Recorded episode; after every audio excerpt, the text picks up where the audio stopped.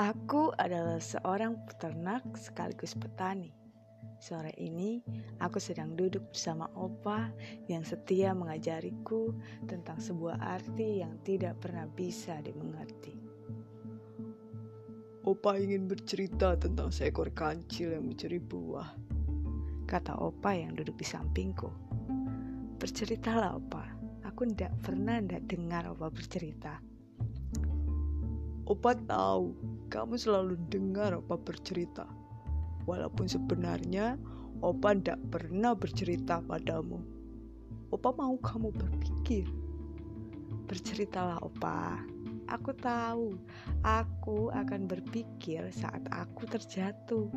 Dan aku tidak lagi terjatuh, Opa. Sesukamu, Cuk. Opa ingin bercerita tentang seekor kancil yang sering mencuri timun di ladang seorang petani.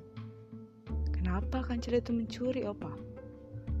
Karena itu memang sudah menjadi kebiasaannya, Cok. Apa dia tidak bisa merubah kebiasaannya, Opa? Tergantung, Cok.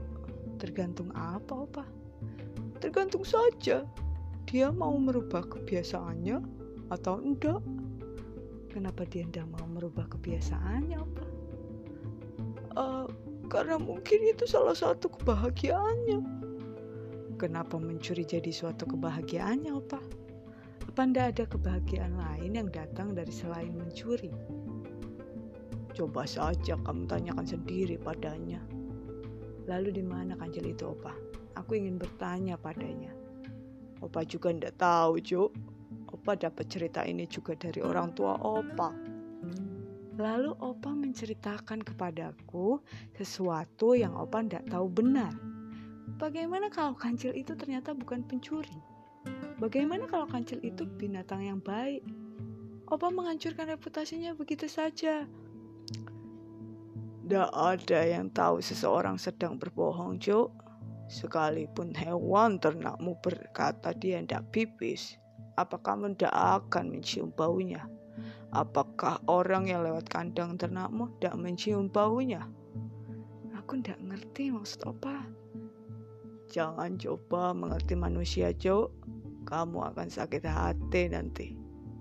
Rawatlah hewan ternakmu dengan baik.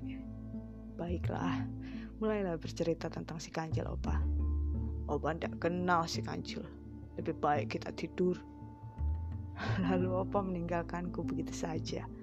Lalu aku duduk sendiri di teras ini sambil berpikir, seperti ada yang salah dengan kejiwaan si kancil. Lalu aku diam dan membakar lintingan ganja yang sedari tadi aku genggam. Apakah ini sebuah kebahagiaan juga?